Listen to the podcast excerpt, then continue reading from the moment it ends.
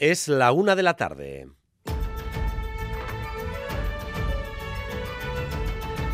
Crónica de Euskadi con Dani Álvarez. A Rachaldeón, la legislatura vasca enfila su recta final y lo hace con un acuerdo de gran alcance. La Ley de Transición Energética y Cambio Climático se aprobará en el Parlamento y lo hará con el apoyo de los tres principales partidos, PNV, PSE y EH Bildu.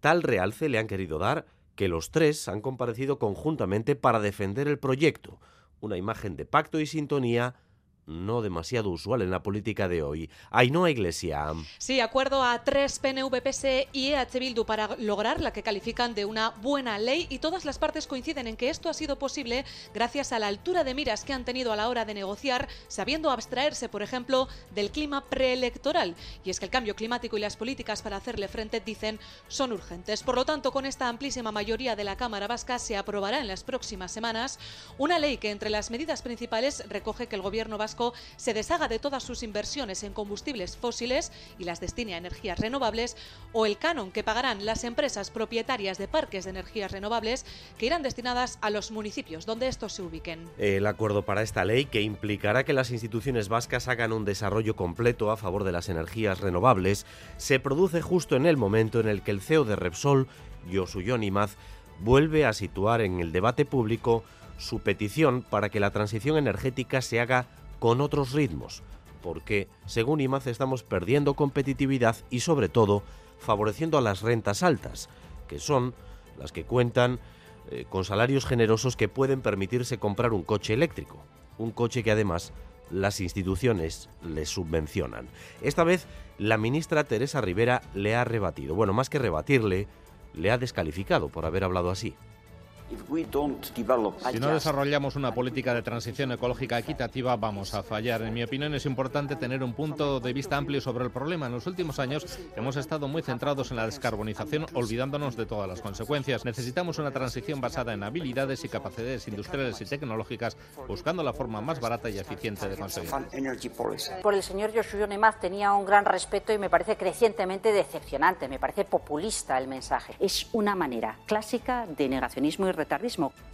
La eurodiputada del PNV Izaskun Bilbao ha defendido esta mañana aquí en Radio Euskadi a IMAZ de esta forma tras esas declaraciones de la ministra. Lo que Josuyón viene diciendo y compartimos es que no tenemos que descartar absolutamente nada. Solo la electrificación nos puede llevar a una nueva dependencia y desde luego es incuestionable la apuesta de Josuyón por la consecución de los objetivos, por la descarbonización pero al margen de esas declaraciones, hoy parece que es el día de los pactos políticos en nuestro país, porque se acaba de anunciar también el acuerdo para que se aprueben los presupuestos de Navarra ya en Arangoa. En este caso es el quinto acuerdo entre el gobierno tripartito de María Chivite y EH Bildu que le asegura la mayoría para aprobar los presupuestos el próximo 7 de marzo. Este mediodía llegaba ese proyecto al Parlamento. El consejero de Economía y Hacienda, José Luis Arasti, ha destacado el clima propositivo de las negociaciones con EH Bildu, que ha incluido partidas por valor de 10 millones de euros e incidirá con otros 4 millones en el proceso de enmiendas, con las necesidades de la ciudadanía la mejora de los servicios públicos y el progreso social y económico de la comunidad como ejes prioritarios.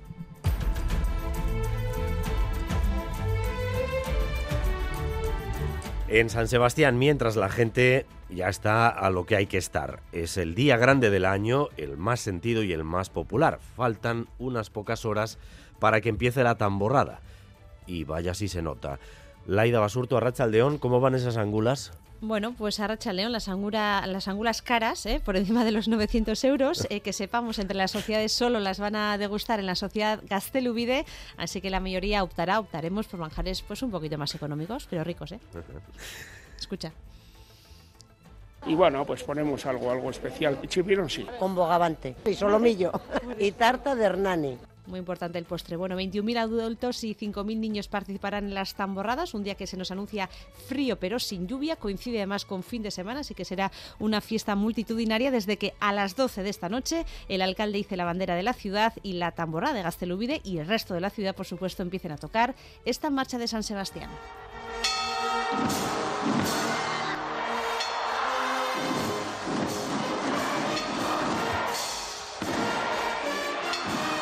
Que por supuesto viviremos en directo aquí en la sintonía de, Radio Euskadi. Bueno, angulas o sin angulas, la ida me vale cualquier cosa de la que, de la que nos eh, ponías como ejemplo. Y las obras de ampliación del Bellas Artes entran en una nueva fase. Se han empezado a edificar los pilares en forma de V que sostendrán la nueva zona expositiva que se va a instalar en altura, sobre el actual edificio del museo. En tan solo seis pilares, tres a cada lado, recalará todo el peso de esta estructura superior. Uno de los ejes del proyecto Agravistas de Norman Foster y Luis María Uriarte. Miguel Zugaza, el director del museo, confirma que esas obras van viento en popa. Hoy celebramos que esta magnífica estructura empieza a elevarse con la idea de ir paradójicamente perdiendo peso, como ocurre con las esculturas de Eduardo Chillida, metáforas de esa aspiración del ser humano de rebelarse frente a la gravedad de la naturaleza y vamos también con lo más destacado del deporte en unos minutos, entre otras cosas, el sorteo de Copa para Athletic y Real. César Pérez Gazola, Chaldeón. Ahora está, Dani, pues estamos pendientes esta hora, como decías, del sorteo de cuartos de final de la Copa en el bombo Athletic y Real Sociedad. Los últimos dos equipos en clasificarse, el Atlético que ganaba anoche 4 en la prórroga al Real Madrid, el actual campeón, que caía eliminado, y el Barça. Están también en el bombo de cuartos Sevilla, Mallorca, Celta y Girona. Los partidos eh, todavía a eh, partido único, eliminatoria partido único la próxima semana. En unos minutos vamos a ver si conocemos ya el rival de Atequi y Real Sociedad. Puede haber incluso derby en cuartos de final. Y esta noche partido muy importante para el Deportivo Alavés en su pelea por la permanencia en la élite. Reciben al Cádiz en Vitoria, en Mendizorroza, un rival directo y que dejarían ocho puntos en caso de ganar ganar y sumar tranquilidad. El objetivo hoy de los albiazules a partir de las 9 de la noche en Mendizorroza, en Castells, a la vez Cádiz. La fiesta de San Sebastián, la tamborrada, se hará con una noche muy, muy fría, si nos lo avanza ya Euskalmet aunque eso sí, tendremos cielos despejados, así que la celebración no corre riesgo por la lluvia como ha ocurrido en años precedentes. De hecho, Euskalmet va a activar esta tarde un aviso amarillo por heladas que van a afectar sobre todo al interior, pero también a la costa guipuzcoana. Día soleado mañana, también aviso por heladas que se extenderá a la madrugada del sábado al domingo. En Navarra la cota de nieve podría bajar eh, a partir de esta hora a los 500 metros. 7 grados tan solo en Bilbao, 6 en Donostia o en Bayona, 4 en Pamplona y 3 en Vitoria-Gasteiz. Gracias un día más por elegir Radio Euskadi y Radio Vitoria para informarse. Raúl González y José Ignacio Revuelta se encargan de la dirección técnica y María Cereceda de la coordinación. Crónica de Euskadi con Dani Álvarez.